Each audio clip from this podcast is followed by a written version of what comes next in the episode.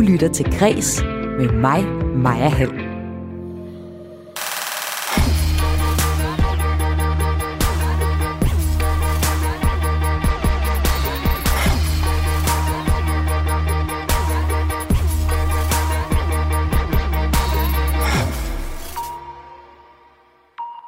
Jyllandsposten har trukket deres anmeldelse af Christian Jungersens nye roman tilbage, fordi anmelderen ikke havde forstået, at det var et tobindsværk.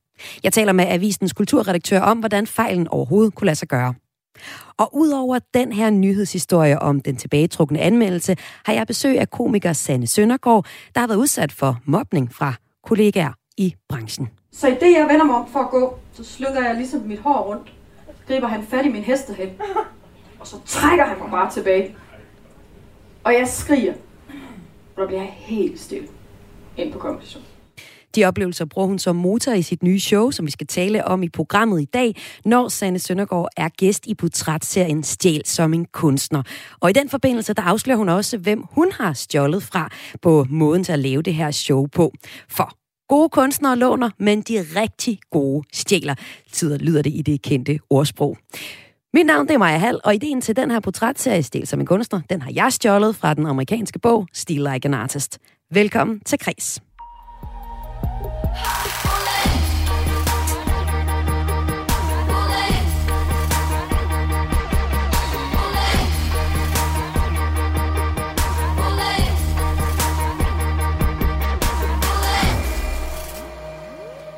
Jyllandsposten skal nu tage stilling til, om anmelderen fortsætter sit arbejde på avisen efter, at vedkommende ved en fejl skrev en anmeldelse af kun første bind af Christian Jungersens nye roman Du kan alt.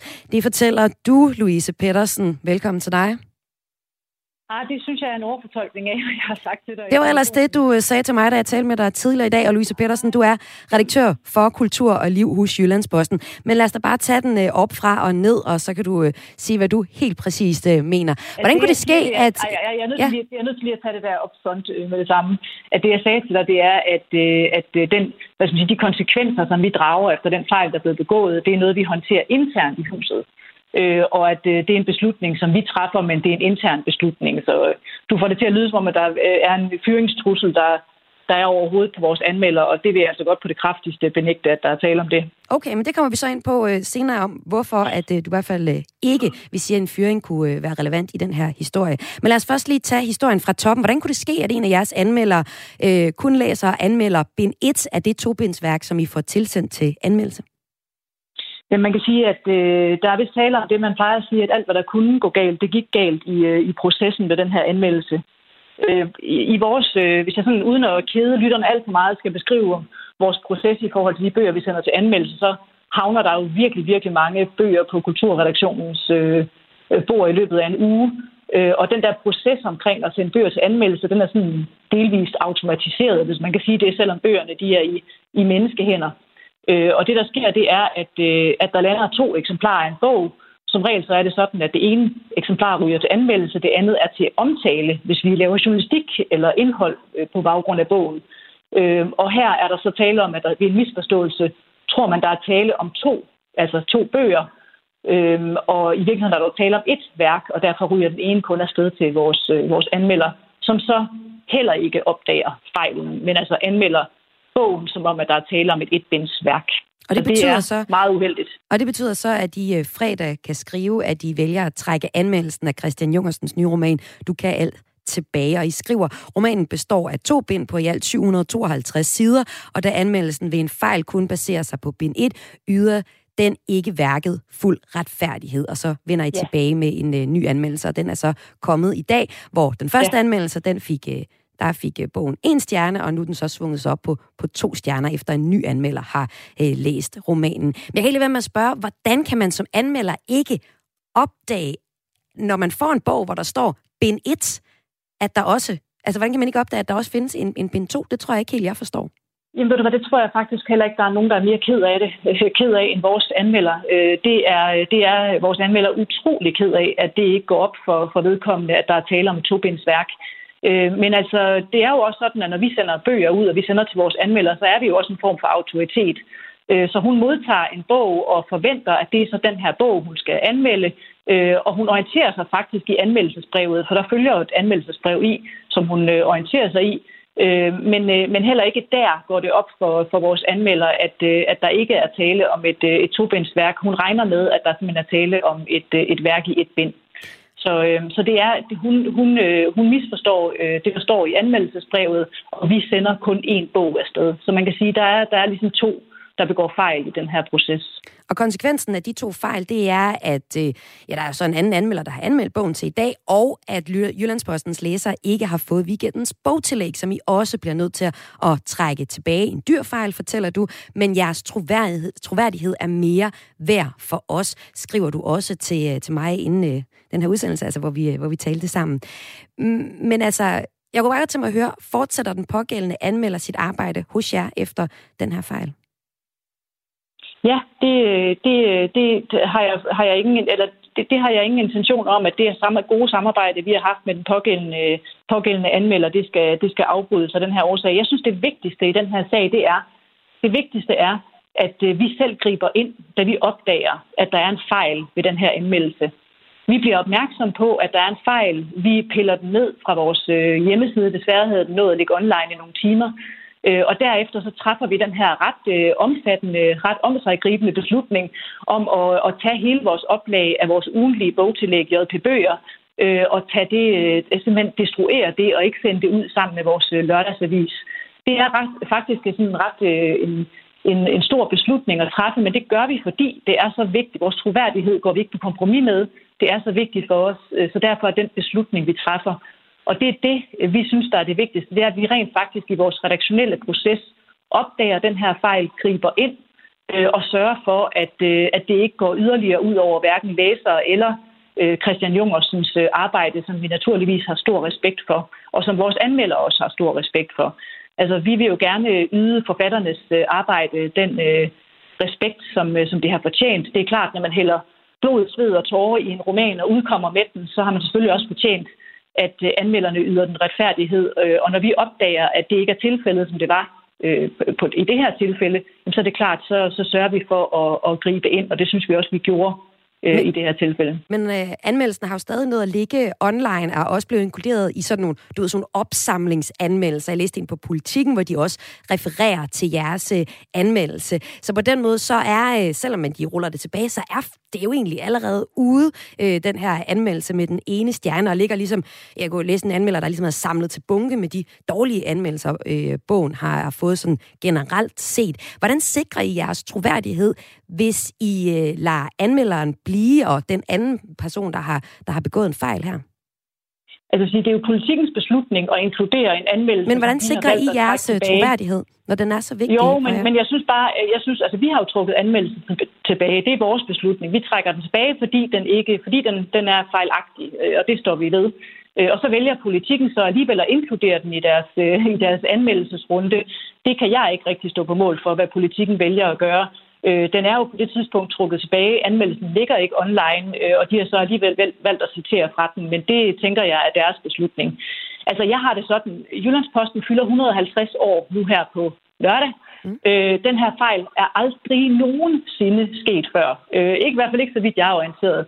Øh, så jeg tænker, at jeg med ro i sindet kan sige, at der er egentlig ikke noget grundlæggende galt med vores processer eller vores anmeldere. Og derfor synes jeg, at man skal passe på med at træffe drastiske beslutninger på grund af en enkelt fejl, som tydeligvis er sket, fordi at der har været øh, to misforståelser i, i samme forløb, og heldigvis som sagt ikke noget, der tidligere er sket i, i Jyllandspostens 150-årige historie. Så det er Så... derfor, jeg siger, det er ikke, fordi jeg ikke tager det, jeg tager det alvorligt. Vi, vores troværdighed, det er vores vigtigste valuta. Men vi er også, øh, jeg, jeg, jeg er så glad for, at vi rent faktisk reagerer på fejlen, at vi sørger for, at det ikke kommer ud til læserne, øh, og, at, øh, og at det er det vigtigste for mig i det her, at, hvad skal man sige, læring, vi sidder tilbage med, det er, at vi rent faktisk evner at tage affære, når der opstår fejl. Og Louise Petersen, øh, redaktør for Kultur og Liv hos Jyllandsposten, lige til sidst, kommer I så fremadrettet til at gøre noget andet, eller når det nu bare er en enkeltstående fejl, så, øh, så lyder det som om, at, at øh, maskinen kører videre, uden at de ændrer noget? Jamen det er da klart, at når jeg nu siger det der med, at vores processer de er sådan delvist automatiserede, så, øh, så, så kommer vi da lige til at have noget ekstra opmærksomhed omkring det her. Men ved du hvad, det tror jeg faktisk også kommer til at give sig selv. Mm. For, fordi både os, når jeg nu siger, at det ikke er sket før i vores 150-årige historie, så er det klart, at når sådan noget her det sker, så bliver man lige ekstra opmærksom. Det gør både vores anmeldere, og det gør vi mm. på, at øh, nogle gange øh, skal vi måske ikke bare, øh, så, øh, altså foregår alt måske ikke helt så automatisk, men lige med en lille smule mere eftertanke. Og det, det tror jeg, at vi alle sammen vi, vi tager med os fra den her oplevelse. Sag her Louise Petersen, redaktør for Kultur og Liv hos Jyllandsposten. Tak fordi du var med. Og jeg talte med øh, Louise Petersen i forbindelse med, at Christian Jungersen efter ni års stillhed har udgivet et tobindsværk på i alt 752 sider. Den hedder Du kan alt. Og historien var altså, at Jyllandsposten fik anmeldt øh, bogen, men faktisk kun første del 18. Nu i dag er der så kommet en samlet anmeldelse af hele bogen, og den er noget nær lige så kritisk som, øh, eller ja, negativ som den første anmeldelse er, og stiller sig i koret sammen med flere andre anmeldere, som øh, ikke synes, at det, den nåede helt imod den her bog. Men der er også positive anmeldelser, hvis man kigger for eksempel på, øh, jeg tror det er Børsen, der er også super fine anmeldelser af den. Så det blander sig lidt i et mix. Og man kan jo selv finde bogen, der er altså Christian Jungersens nye roman, Du kan alt. Og nu til portrætserien Stjæl som en kunstner med komiker Sanne Søndergaard, og øh, noget af den mobning, hun har oplevet i comedybranchen. Du lytter til Græs med mig, Maja Hall. Og dagens hovedperson indtil klokken 15, det er dig, Sanne. Velkommen til. Tak. Du er aktuel med showet Selvser, og øh, det er et såkaldt flying comedy show, der... Øh, ja, vi skal høre om, hvorfor det hedder Selvser, og hvorfor det hedder øh, Flying Comedy Show lidt senere. Men jeg kunne godt tænke mig og allerførst snakke med dig om det, jeg tog med fra showet. Fordi jeg gik ind til showet og, øh, og vidste, at du var særlig inspireret af den australske komiker Hannah Gatsby. Det skal vi snakke om senere. Det er hende, du har stjålet fra til showet. Og så gik jeg derfra og tænkte, hold da op en oplevelse, du har øh, haft i din spædestart i øh, comedy. Øhm, der var en kæmpe klit på dine scener, og du fortalte en masse ting om, øh, hvor lidt vi egentlig ved om det kvindelige kønsorgan, øh, klitorisen. Men så fortalte du også en historie fra din ja, egen... Men må jeg lige afbryde dig, Maja? Fordi det, det vigtige for mig, det er at sige, at fordi jeg snakker godt nok en del om, hvad kan man sige, nogle oplevelser, jeg har haft, men showet handler om traumer. Showet handler om, hvordan man, man ligesom bliver triggeret af noget, der er sket i ens fortid, i nutiden. Så det her med, hvordan man ligesom ikke rigtig kan komme videre i sit liv. Og det er vigtigt for mig at sige, fordi nu kommer det til at lyde som om, at det er bare et show, hvor jeg står og snakker enormt meget om ting, der skete for 15 år siden. Og det er det faktisk ikke. Det er et show, hvor jeg snakker om, hvordan, man, hvordan fanden kommer man videre fra det, der skete derfra. Så, så, så hvis du siger, det er det, du har taget med, så bliver jeg sådan en lille smule, det var ikke helt meningen. Nej, jeg tog også en masse andre ting med, blandt andet den kæmpe klitoris, som jeg fik en flot selfie sammen med, synes jeg selv. Og det skal vi også høre om, hvad showet aller øh, derudover handler om. Men det var nok det, der var mest overraskende, det var den personlige historie, som du også fortæller. Og noget af det, vi også skal komme ind på, for den, den måde, du har grebet den her personlige historie an, det har du netop gjort på samme måde som Hannah Gatsby, ja, som er hende, du er inspireret af, og vi også skal tale om i dag. Så derfor kan jeg godt tænke mig at høre allerførst, hvad er det for en episode, der blandt andet danner grund for den, øh, det show, du øh, er tror Jamen, med? Jeg snakker i showet om det her med at blive uh, triggered, som jeg lige sagde. Altså, at uh, man egentlig er kommet videre i sit liv fra noget ubehageligt, en situation, hvor man var magtesløs, eller følte sig følte, at man ikke havde kontrollen, følte, at man blev udsat for noget ubehageligt. Og det er jo i virkeligheden det PTSD for eksempel er, ikke? Altså, hvor man bliver øh, soldater, der øh, hører et nytårsskrald, og så kaster sig ned på jorden, fordi deres, øh, deres, de bliver trigget, deres impulser deres, fra den gang, de var i krig, bliver trigget. Og det vil jeg gerne fortælle om, hvordan sexisme for eksempel kan trigge en, at man ligesom, hvis man har oplevet rigtig meget ubehag i den forstand, at, at man bliver øh, øh, lidt skør i forhold til at, øh, og øh, stole på det gode, som er det showet handler om. Ikke? Og, øh, og jeg fortæller konkret om en... Fordi jeg føler, at øh, hvad kan man sige, når jeg bliver trigget, at det er, sådan en, det er nærmest sådan en lidt en fysisk fornemmelse for mig, fordi jeg havde den her oplevelse, da jeg startede i stand-up-branchen, så det er de her 15-17 år siden, og der siger folk jo altid, hvorfor skal vi høre om ting, der skete for 15 år siden? Og det skal lige, fordi dengang gad I heller ikke høre på os. Men jeg stod øh, efter et show inde på Comedy Zoo, øh, og snakkede med nogle, en gruppe mandlige komikere, eller snakkede det nok så meget sagt. De stod og samtalte om, hvor uegnede kvinder er til at lave comedy, og at kvinder ikke er sjove, og øh, kvinder kan ikke finde ud af at sammensætte en joke, og en af dem byder ind med det her guldkorn, som er, øh, kvinder er ikke sjove, fordi øh, kvinder tør ikke være grimme. Og så må han jo være uendelig sjov, tænker jeg. øhm, og øh, så jeg vælger selvfølgelig øh, lidt at bare forlade den her samtale, fordi jeg sådan, der, det er tydeligvis ikke noget for mig. Jeg kigger mig om efter noget mere interessant. Der er en væg herovre, så det er klart mere interessant. Men i det, jeg drejer mig rundt, så kan han sådan se ud af øjenkroget af ham, sådan hovedtaleren, ham der virkelig har stået og gennemtrumfet sine holdninger om, hvor uegnet jeg er til mit arbejde. Han, øh, han bliver sådan helt øh, surprised Pikachu, han bliver sådan helt øh, i ansigtet over, at nogen ligefrem kan vælge at forlade hans øh, skrald.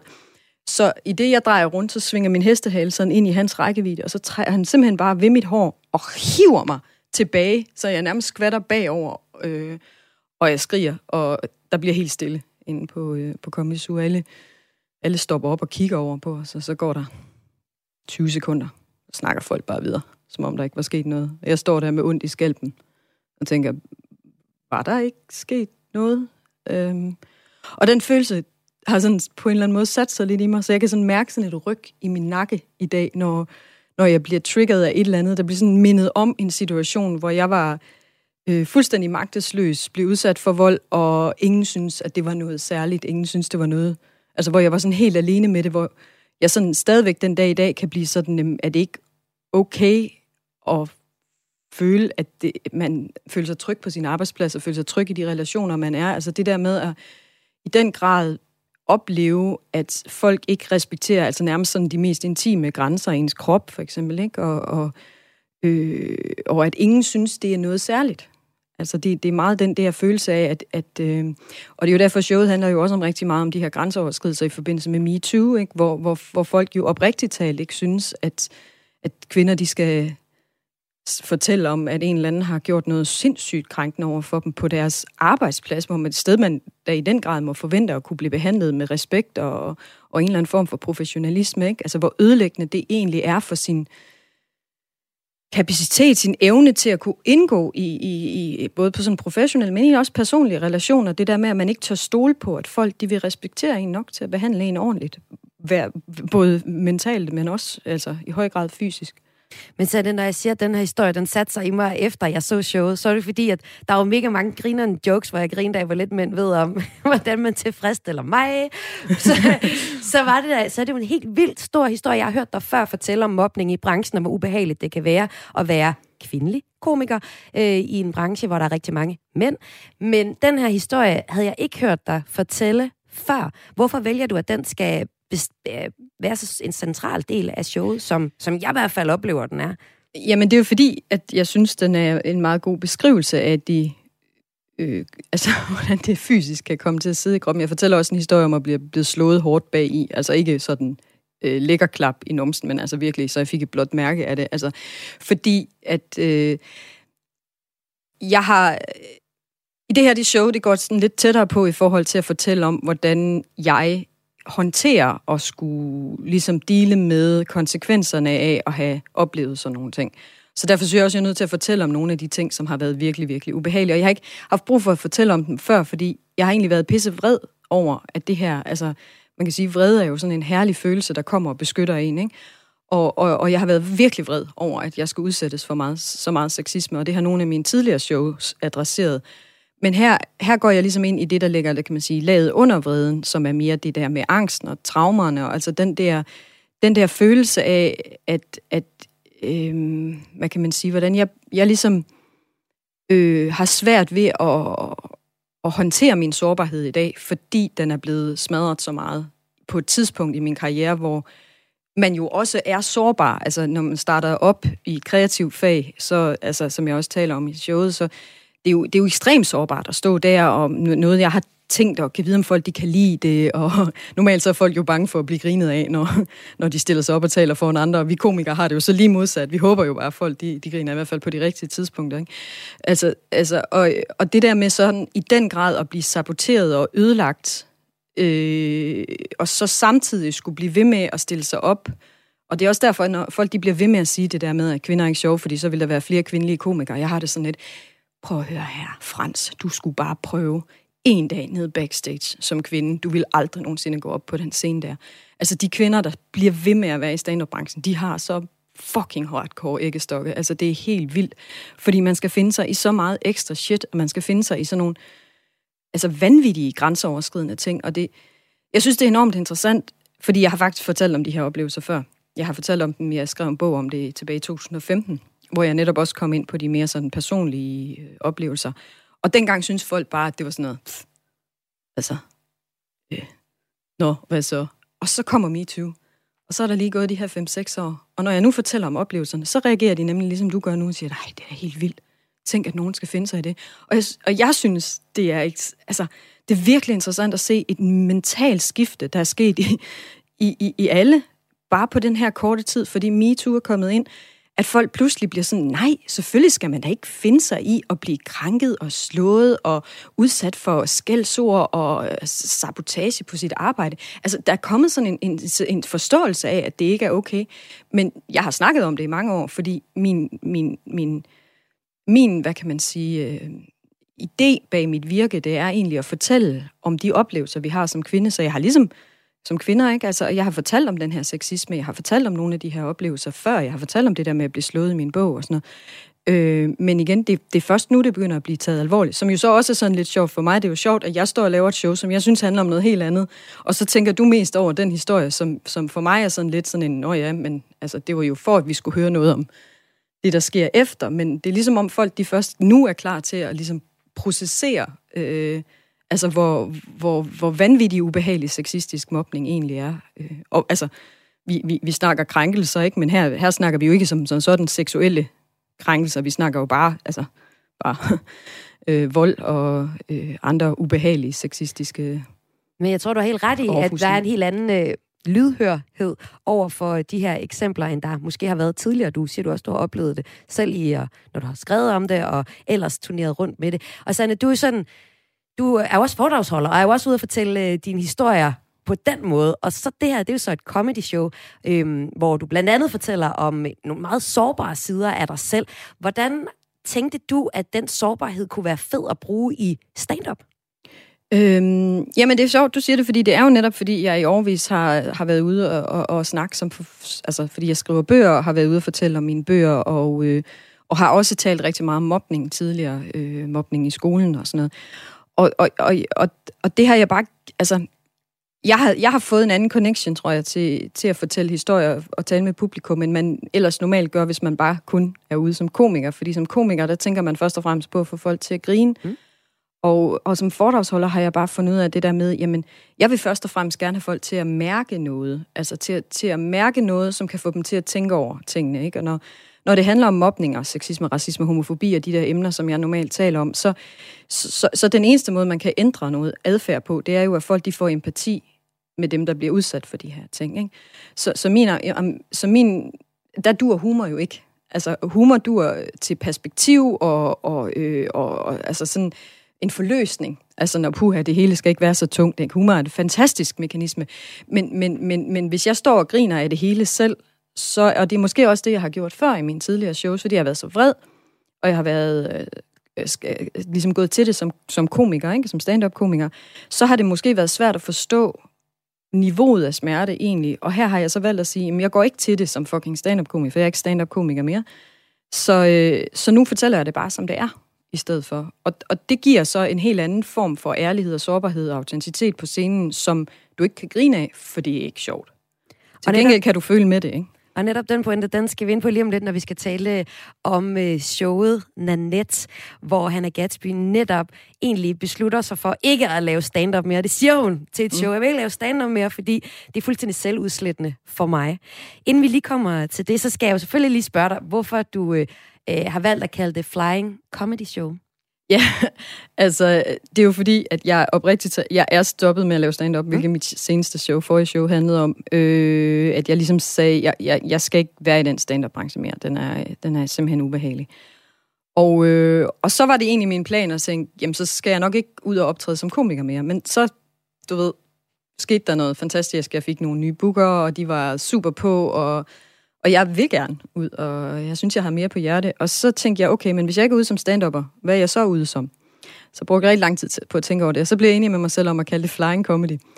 Og det er altså helt random. Det, er, det, er, det betyder ingenting. Det er ikke, fordi jeg sidder i sådan en hoppegynge, ligesom Dirk Passer på scenen, eller har rulleskøjter på. Eller, altså, det er bare et tilfældigt ord, jeg har valgt, fordi hele pointen er egentlig det her med, at jeg har lavet en ny genre for ikke at skulle leve op til definitionskravene for, hvordan man er rigtig komiker. Som jo også er netop en af de store pointer i showet, det er det her med, at det ligesom har været en bestemt type mennesker, og dem kalder vi hvide mænd, som har fået lov til at bestemme, hvad der er rigtig comedy i alle årene. Og det er også en af grundene til, at jeg aldrig har fået lov til at få plads i stand-up-genren. Det er fordi jeg, eller i stand-up-branchen, det er fordi, jeg laver comedy på min måde. Mm. Og jeg insisterer på at fortælle kvinders historier og kvinders oplevelser, og det er ikke en velkommen stemme. Man kan måske godt få lov at være der som kvinde, hvis man accepterer at fortælle historierne på en bestemt måde, som ligesom cater til nogle bestemte hvide mænds egoer. Men hvis man ikke gør det, hvis man siger, jeg fortæller om mine oplevelser, jeg fortæller om sexisme, jeg fortæller om fucking klitoris, jeg fortæller om kvinders liderlighed, jeg fortæller om de her ting, så, så tager man jo egentlig en genre, som man kan sige, øh, nogle, øh, nogle personer har brugt som magtgreb før, og bruger det imod dem. Og det er der ikke så stor, øh, altså det, det er der en ret stor modstand mod, kan man sige. Ikke? Så den her gang har jeg sagt, jamen hey, hvis jeg laver min egen genre, så kan I ikke komme og sige, at det ikke er rigtig comedy. I kan ikke komme og sige, at jeg gør det forkert. I kan ikke definere mig ud, fordi den her genre, den er helt ny, og jeg bestemmer, hvordan den skal se ud. Og jeg, jeg øvrigt, øh, den er åben over for alle mm. øh, minoriteter og kvinder, som har lyst til at komme ind og fortælle deres historier på en måde, som både er sårbar, autentisk, vredt, øh, flyvende, fantastisk øh, og sjovt. Men og som, sjovt. Og fordi det er jo sjovt, ja. Sanne Søndergaard, i dag, den her... Øh, denne mandag, der er det dig, der er gæst i Stjæl som en kunstner. Sidste mandag var det Jan Gindberg. Jeg var også mm. inde og se hans show, og jeg må sige, at jeg griner altså lige meget af det, om det så var et uh, Jan Gindberg-show, klassisk comedy-show, og dit flying uh, comedy-show. Så sjovt, det uh, er det i hvert fald helt sikkert. Og så nu skal vi tale om, hvem du har stjålet fra til det her show, du turnerer med nu. Du lytter til Græs med mig, Maja Hall. Og med mig har jeg Sanne Søndergaard, der er aktuel med showet Selvsær, der blandt andet handler om at være kvinde og om at være kvinde i komikerbranchen. Og lige præcis det med at være comedy, hvad, være komiker i comedybranchen, det er interessant Kvinde nu. i comedybranchen. Ja, lige præcis. Det er interessant Men teknisk set komiker i komikerbranchen. Ja, det kan vi også sige. Øh, det er interessant nu, fordi du har opbygget en del af det her show på en lille ting, du har stjålet fra den australske komiker Hannah Gatsby. Prøv lige at fortælle, hvem er hun? Hannah Gatsby er øh, en australsk lesbisk komiker, som øh, fuldstændig øh, overtog comedy-scenen for et par år siden med et show, som hun egentlig havde lavet med den hensigt, at det skulle være hendes farvel til stand-up. Fordi, som hun forklarer i showet, så synes hun ikke rigtigt, at stand-up som genre kan inkludere hele historien. Altså, hun, hun føler, at hun ligesom har været nødt til at udslætte sider af sig selv, udslætte sider af sine, de ubehagelige ting, hun har oplevet, for at få grinet. Øh, og så laver hun det her show, som jo er pisse sjovt, men også enormt sårbart. Og det vinder simpelthen samtlige comedypriser over, over hele kloden, altså i engelsktalende comedy festivals og sådan noget, og altså får så gode anmeldelser. Bortset fra hjemme øh, i Danmark, der er folk lidt sådan, mm. og det er der også selvfølgelig også på verdensplan enormt mange mænd, der har behov for at gå ind og sige, at det slet ikke er comedy, og det er en tæt talk, og jeg ved ikke hvad som jo igen beviser det her, jeg siger med, at der er nogen, der meget gerne vil holde fast i deres ret til at definere, hvad der er rigtig comedy. Fordi selvfølgelig kan stand-up som genre der sagtens rumme hele historien. Altså jeg synes faktisk, hun tager fejl i den påstand, at stand-up ikke kun kan det. Men problemet er jo, at der er en, en, en magtfuld gruppe øh, af komikere verden over, som meget gerne vil bestemme, hvad den genre skal kunne. Og de ekskluderer så alle andre. Så det er interessant at se, at hun på en og samme tid går ind og revolutionerer Øh, øh, genren fuldstændig og, øh, og, og vinder alle de her priser og bliver enormt anerkendt. Men samtidig har vi altså også rigtig mange, der, der bare altså, sidder med armene over kors og siger, at det ikke tæller det, hun laver. Øhm, så det, det, det var ligesom det, hvad kan man sige, Nanette gjorde, altså showet gjorde. Og det, jeg tog med fra showet, det var, at, øh, at hun, hun ligesom sagde, nu vil jeg fortælle hele historien. Og, øh, og nu vil jeg godt bare stå her i noget tid, uden nødvendigvis at jagte et grin. For det kommer man altså meget hurtigt til som stand-up-komiker. Man kommer ligesom til hele tiden at tænke, okay, nu, nu har vi også snakket længe nok, uden at der ligesom kommer en forløsning i form af et grin. Så man skal hele tiden hen imod det næste grin. Og, og det giver, altså hvis man, hvis man tænker det sådan, så laver man lidt en mental blokade i forhold til netop at kunne fortælle hele historien. Så jeg tænkte, men i og med, at jeg jo ikke laver stand-up længere, så kan jeg jo faktisk bare lade være med overhovedet at følge den regel om, at man skal... Det er sådan noget helst tre grin i minuttet. Det er sådan ah, okay, det er en tommelfingerregel. Ja, ja, altså, så skal man helst have Men her er jeg jo bare villig til for eksempel at stå i fem minutter uden overhovedet at sige noget sjovt, ikke? Og jeg tror, at Hannah Gatsby gør det i endnu længere tid. Ja. Jeg kan huske, at jeg så showet Nanette på Netflix. Det ligger der stadig for et års tid siden. Og jeg gjorde det fuldstændig uforberedt. Mm-hmm. Så mhm. da hun går i gang med at fortælle sin meget personlige historie om, hvor svært det har været for hende at være i stand-up, der er jeg sådan, hvad, hvad skal... Hov, er det, stadig, er det stadig et show, jeg ser? Men lad os lige prøve at høre en bid fra Hannah Gatsby's show, øh, Nanette fra 2018, hvor hun også fortæller, hvorfor hun øh, forlader comedy. I do think I have to quit comedy, though. And it's probably not the forum to make such an announcement, is it? I've built a career out of self deprecating humour, and I simply will not do that anymore, not to myself or anybody who identifies with me.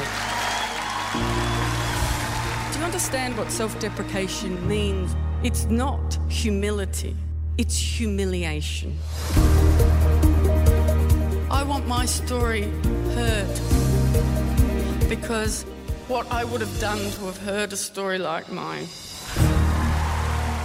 Her var det lidt øh, fra Hannah Gatsby's show, og hun siger, øh, hun siger først, øh, jeg tror, jeg bliver nødt til at droppe comedy. Det er måske ikke lige det her show, jeg skulle sige, kom med den meddelelse. Og så forklarer hun, hvordan hun har bygget sin karriere på, hvad hun kalder selvnedbrydende humor. Og det vil hun ikke gøre mere, hverken over for sig selv eller over for andre. Og forklarer så, at den her jamen, selvnedbrydende humor, altså hvor man ligesom hele tiden griner af sin egen usikkerhed, er ikke bare ydmyg, men det er ydmygende at være i. Og øh, slutter så i klippet her med at sige, at den her historie, den kunne hun godt have drømt om, hun selv havde øh, hørt, sådan hun havde måske lavet det her show fra starten af, at det altid var sådan, hun lavede øh, stand-up.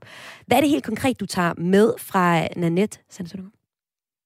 Øh, jamen, altså, øh, altså det sige, jeg har aldrig lavet selv deprimerende øh, humor. Altså, jeg, jeg har aldrig synes, at der var nogen grund til, at jeg gik op og latterliggjorde mig selv, i og med, at man kan sige, at kvinder i forvejen er uh, the butt of the joke. Altså, kvinder er jo blevet latterliggjort traditionelt af, af maskulin humor i, altså i årtier. Ikke?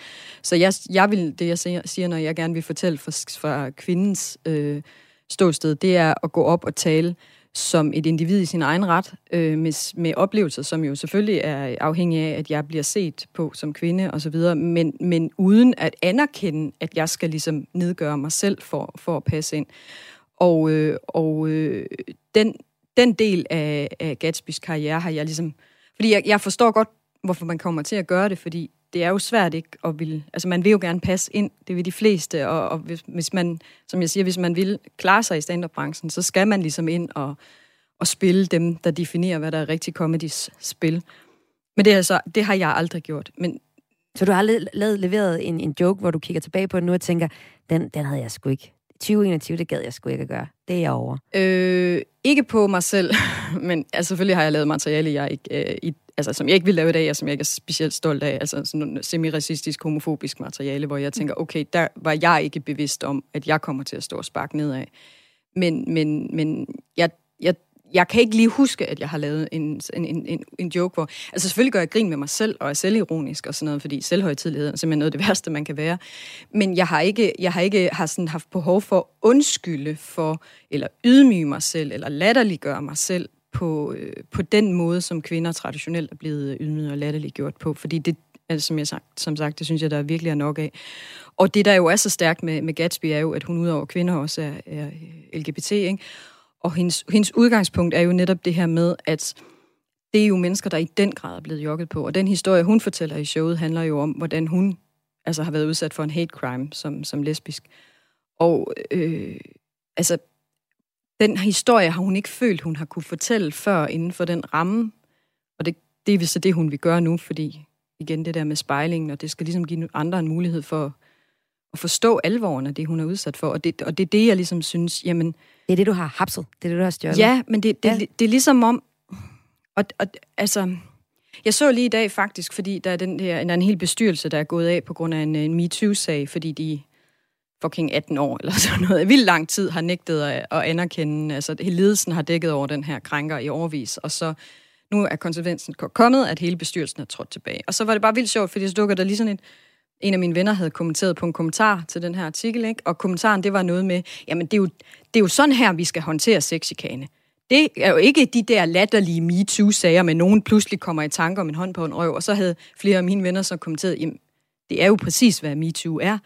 Og jeg synes, det var så interessant det her med, at der simpelthen sidder så mange mennesker og stadigvæk tror, at MeToo-sagerne handler om en eller anden, der nærmest bare sådan ved tilfældet er kommet til at gå forbi en og lige sådan skrabet vedkommendes røv på vej ud i, øh, i kantinen. Ikke? Altså, det er, jo ikke, det er jo ikke det, det handler om. Det handler jo om, om, om magtmisbrug. Det handler om ledelser, der har nægtet at anerkende problemerne. Det handler om kvinder, der har fået saboteret deres karriere, sidelinet, blevet fyret. Altså, øhm, det, det, det er jo virkelig groft graverende med... Altså, med ting, som ovenikøbet er seksuelle, altså det, som Sofie Linde snakkede om sidste år. Ikke? Altså, prøv at stå der som ung, helt, helt ung menneske på en ny arbejdsplads, og så står der sådan en magtfuld person og siger, at han vil ødelægge din karriere. Altså, hvor, hvor, hvor, hvis ikke du gør noget, noget grænseoverskridende seksuelt, ikke? Altså, altså, hvor ødelæggende det kan være for et, øh, et ung menneske og vedkommendes muligheder for sådan at komme ind, altså overhovedet at få en karriere og, og have, have energien. Og, altså, det er også det, jeg snakker om. Det er derfor, jeg siger, at showet handler rigtig meget om de der overlevelsesmekanismer, man så gør, man tager på. Man, man bygger jo skjold op for at, at kunne klare sig over for alle de her ting. Ikke? Og, og, det, og det er det, jeg ligesom snakker om det her, men jeg har ikke lyst til at gå rundt og have et fucking skjold på.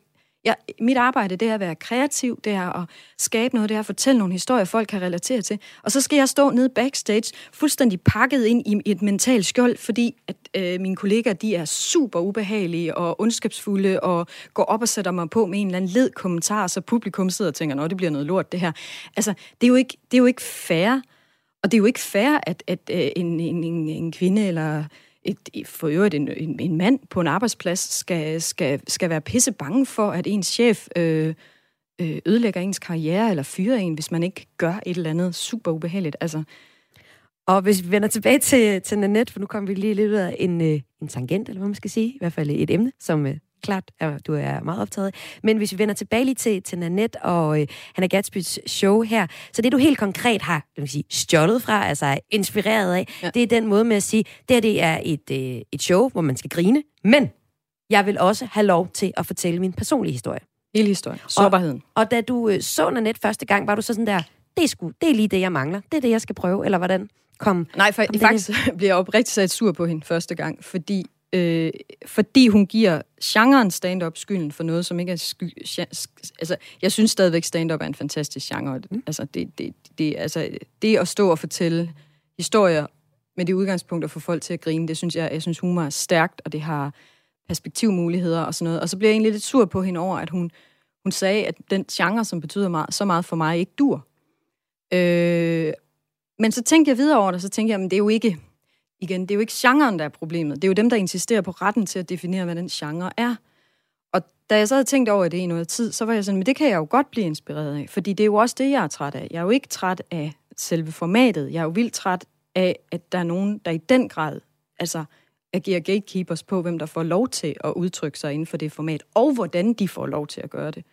Øhm, så, så, så, så den, den del øh, hapsede jeg, og nu, og nu er jeg, altså, nu er jeg endnu mere fan, så hun har jo også lavet et, et øh, show efterfølgende, og hun kommer jo til Danmark her øh, lige om lidt, og jeg, altså, nu fangirl jeg helt, skal op og sidde på første række, og Altså, øh, jeg, jeg synes, hun er fantastisk. Jamen, jeg er helt med dig. Jeg synes ja. også, hun er Jamen, det, ja. røvsej. Hun er simpelthen så, så ærlig og så sjov på samme tid. Og det er jo lige præcis den cocktail, som jeg kan se på dit show, du også går efter, er at levere nogle jokes, hvor vi ikke kan lade være med at grine, og så komme med noget, der er dybt seriøst, og heller ikke give os det der comic relief. Altså, mm. i øh, første del af dit show, jamen, så så, så går du lige midt i, vi sådan i noget meget, meget seriøst. Hvad har du egentlig haft af tanker om, hvordan det efterleder publikum, når du jo selv har oplevet det med, med Hannah Gatsby's show, det der med, at man sidder helt, åh, det er så vildt nogle historier, hun fortæller, jeg ved slet ikke, hvad jeg skal gøre af mig selv, jeg har lige grint helt vildt meget, og nu får jeg ikke lov til at grine igen. Nå, um, jeg var ikke sur på Gatsby over den måde, hun gjorde det på, jeg, fordi jeg, jeg synes, det var et fantastisk show på den mm. måde. Jeg synes, det var fantastisk at høre hele historien.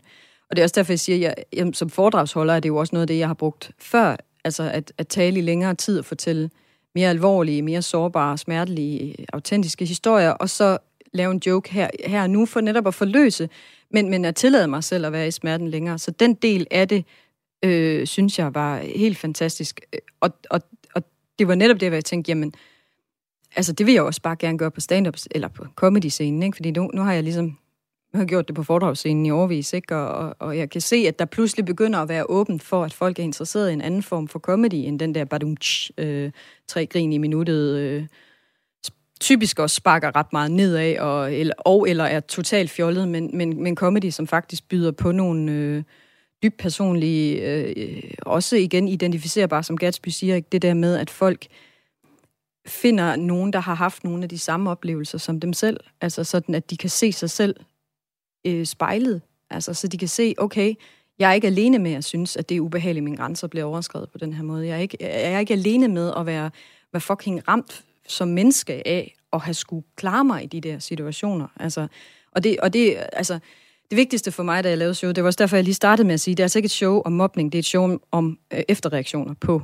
øh, blandt andet mobning. Ikke? Øh, og det vigtigste for mig, det var, at folk, der har oplevet et eller andet traumatisk i deres liv, om det er øh, mobning eller et overgreb, eller, eller øh, hvad hedder sådan, omsorgsvigtende forældre, eller sådan noget, at de vil også se, føle sig set i Altså det her med, hvordan man for eksempel synes, terapeuter er bygget af lort, når de sidder og siger, at du skal arbejde noget mere med dig selv. Ikke? Hvor man, er jo inde, man er jo inde ved terapeuten, dybest set fordi, at de mennesker i ens liv, der har skadet en, ikke vil gå i terapi. Og så sidder terapeuten også og siger, at der er noget galt med dig. Ikke? Altså den der, den der følelse af, at man ligesom, man kan ikke få nogen i verden til at anerkende, at man er skadet, og man er skadet, fordi nogle andre skadede en, det bliver ikke anerkendt, og der er heller ikke ligesom nogen, at det eneste løsning, det er bare, så må du ligesom bare bide tænderne hårdere sammen, og hvis du lader nogen tage din fred fra dig, så er det jo dig, der taber. Og, og, og der, vil jeg, der var mit håb, at der var ligesom nogen, der ville kunne se sig selv i det, og det, det fede er, at det er også det, som jeg har fået respons ja. øh, efter showet, at der er, der er en del, der er kommet op og sagt, at, øh, at de havde arbejdet med nogle traumer, og de totalt, totalt kunne genkende de der. Og, og, og der er jeg jo sådan, fordi alle, når jeg siger traumer, det, jeg, jeg har det så svært ved at sige det, fordi at, jeg synes jo altid, at der er jo nogen, der har haft det værre. Mm. altså, der er jo der er nogen, der, har, der er blevet voldtaget, der er nogen, der har, det kommer fra fucking krig og alt sådan noget. Så, så det, jeg har oplevet mobning og sådan noget, det er måske... Ja, og du ser sådan der ud, sådan, jamen det er da slemt nok. og det, er det, alle traumaoffer, de tænker. Alle traumaoffer, de tænker, at nogen har haft det værre. Mm. Og det er også en af grundene til, at vi aldrig fucking fortæller vores historie. Det er fordi, who am I? Altså, hvorfor skal jeg stå og snakke om det, når der er nogen, der måske har fucking flygtet fra krig og har mistet et barn og sådan noget, så skal jeg stå og snakke om en eller anden, der har rykket mig i håret. Men, men, men det, er jo ikke, det er jo lige meget, hvad det er, traumet er. Pointen er, hvordan dealer man med det efterfølgende? Hvordan er man skadet af det, og hvad er det for nogle øh, Øh, overlevelsesmekanismer, som er uhensigtsmæssige for, for, for sine kommende relationer og sådan noget. Det, det var den, og, og det er jeg helt vildt glad for at opleve, at folk de sådan føler sig spejlet i, fordi det var det, jeg sagde, at jeg ville gerne have haft nogen, der havde kunne fortælle de her historier, så, så jeg kunne sidde og tænke, nå, okay, man er ikke, what doesn't kill you makes you stronger. Man er faktisk ikke stærk, man er skadet, men man, har jo, man klarer sig jo på en eller anden måde. Og Sanne Søndergaard, det var så historien om, hvordan øh, du er inspireret af Hannah Gatsbys øh, Nanette til dit nye show, som du turnerer rundt med nu. Nu skal vi dykke, dykke lidt mere ned i din hjerne og helt ind på dit skrivebord og øh, se på, hvordan du arbejder, når du strikker sådan et show som det her sammen. Du lytter til Græs med mig, Maja Hall. Sanne Søndergaard, det er dit 8. soloshow. Det hedder mm. Selvsær. Og øh, nu kan jeg godt tænke mig at høre, hvordan du har arbejdet med det. Øh, der er jo rigtig mange komikere, der fortæller, at øh, corona har gjort, at de har sat sig ned og øh, begyndt at skrive. Og så er der jo blevet rigtig mange øh, stand-up shows, der er blevet, der handler, der rimer meget på corona. Det gør dit ikke. Hvornår startede dit show? på øh, bloggen?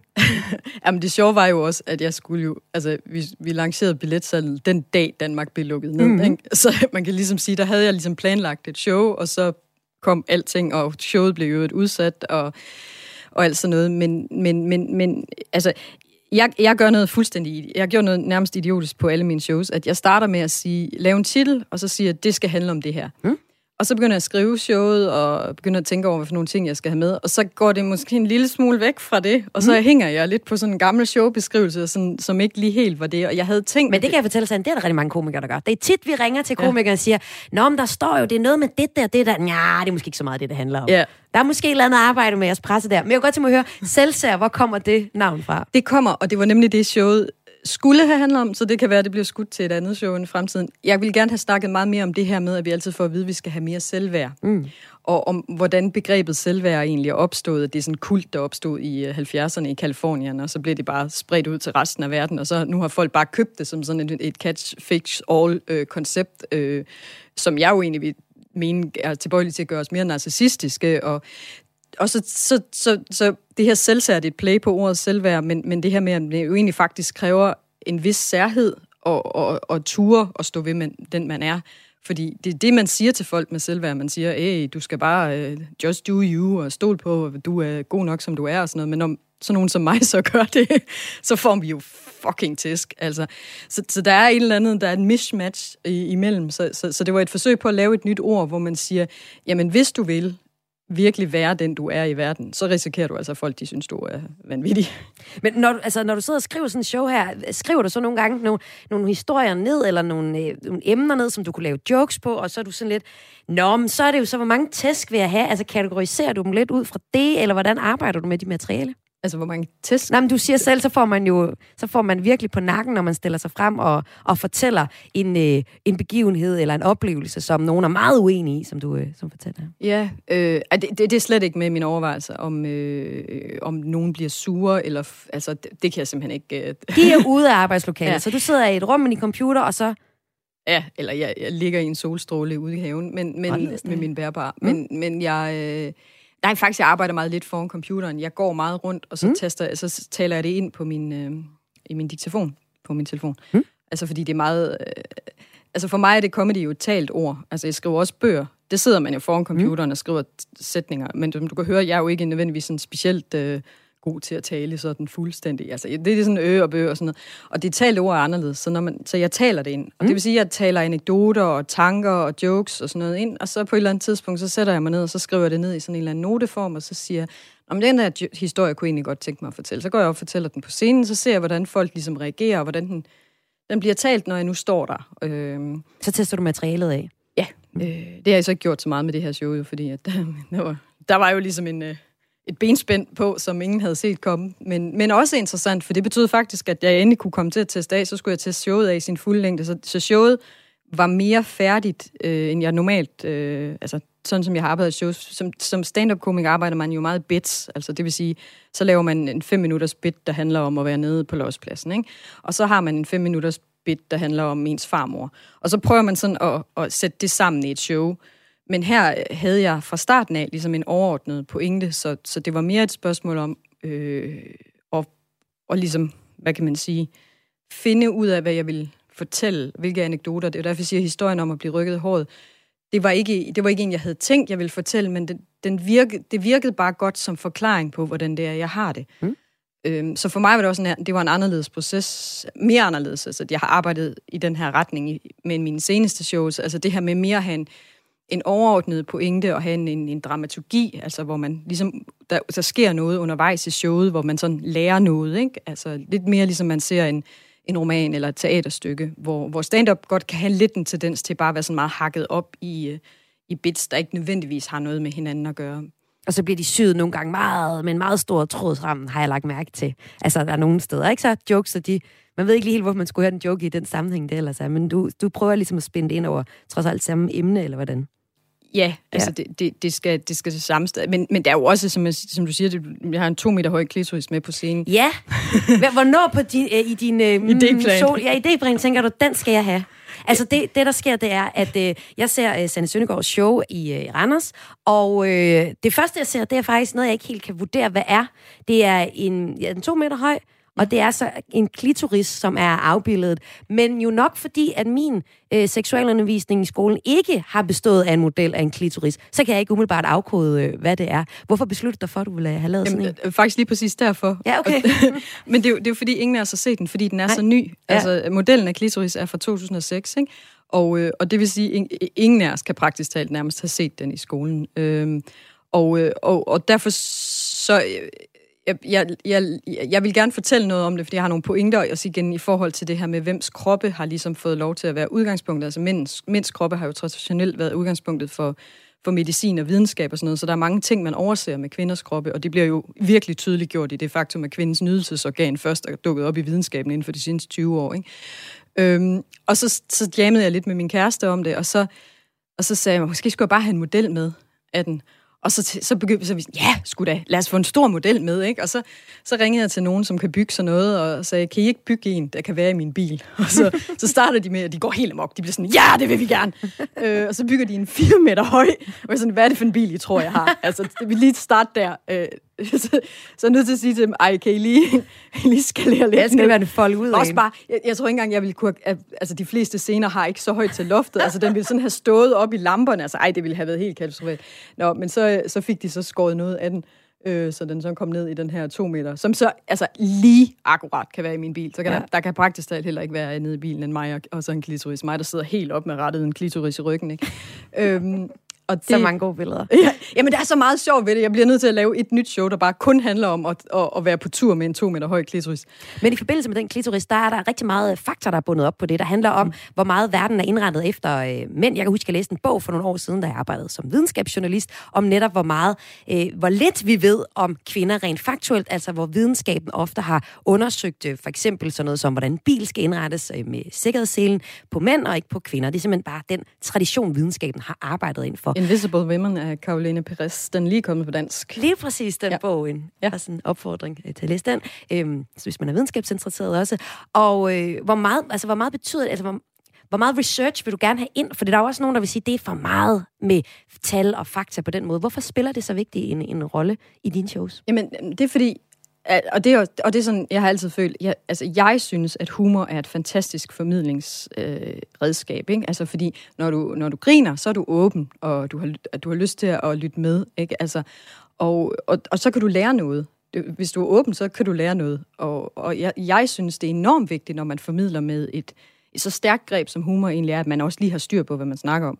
Altså, så jeg researcher mine ting og sikrer mig, at jeg ikke bare står og fortæller noget, der er det har stand-up måske også lidt haft en tendens til, at nogen bare går op og claimer et eller andet. Jeg så et eller andet i tv, og så passer det ikke. Det, det er noget, der er sådan personligt sådan lidt sådan en irritation for mig, især fordi mange af de jokes så enten er racistiske, eller sexistiske, eller homofobiske, eller et eller andet. Sådan, øh, jeg synes, det er vigtigt, at det sådan er faktabåret. Og så er det jo bare så interessant, at når man så begynder at snakke om kvindens seksualitet, at så er der jo bare altså statistik, som er pinlig. Altså, som for eksempel orgasmegabet, som jeg snakker om, som er det her med, at heteroseksuelle kvinder får altså væsentligt færre orgasmer end alle andre mennesker, homoseksuelle mennesker og heteroseksuelle mænd, de får langt, langt flere orgasmer.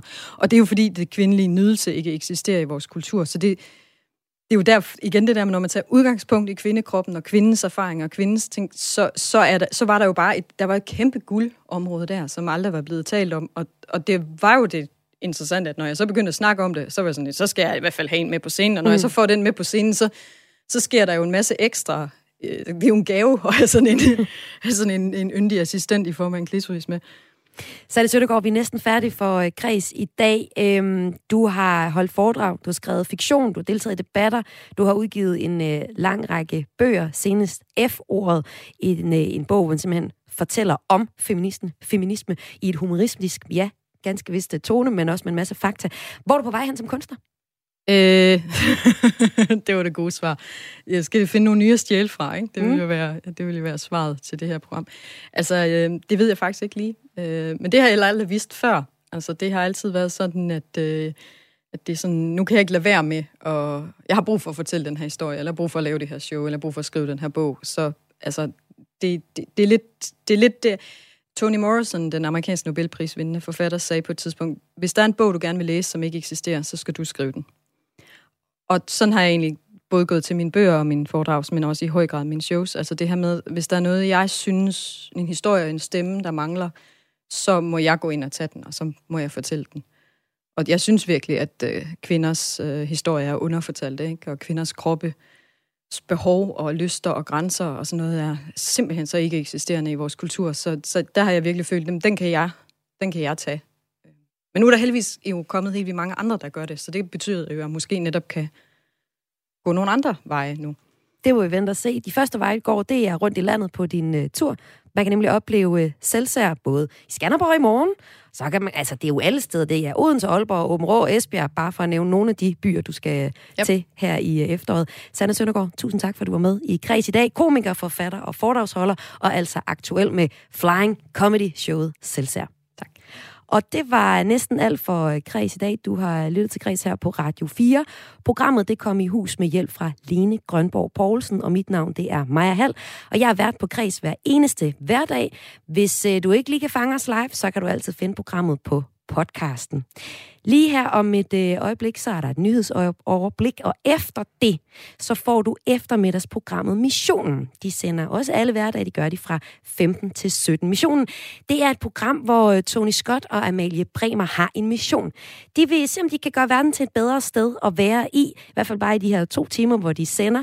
De øh, forsøger at ændre alt det, som øh, i deres øjne er galt med verden, og øh, jeg er spændt på at se, hvad de har kastet sig ud i og lave om på i dag. Det er altså missionen her efter en nyhedsoverblik.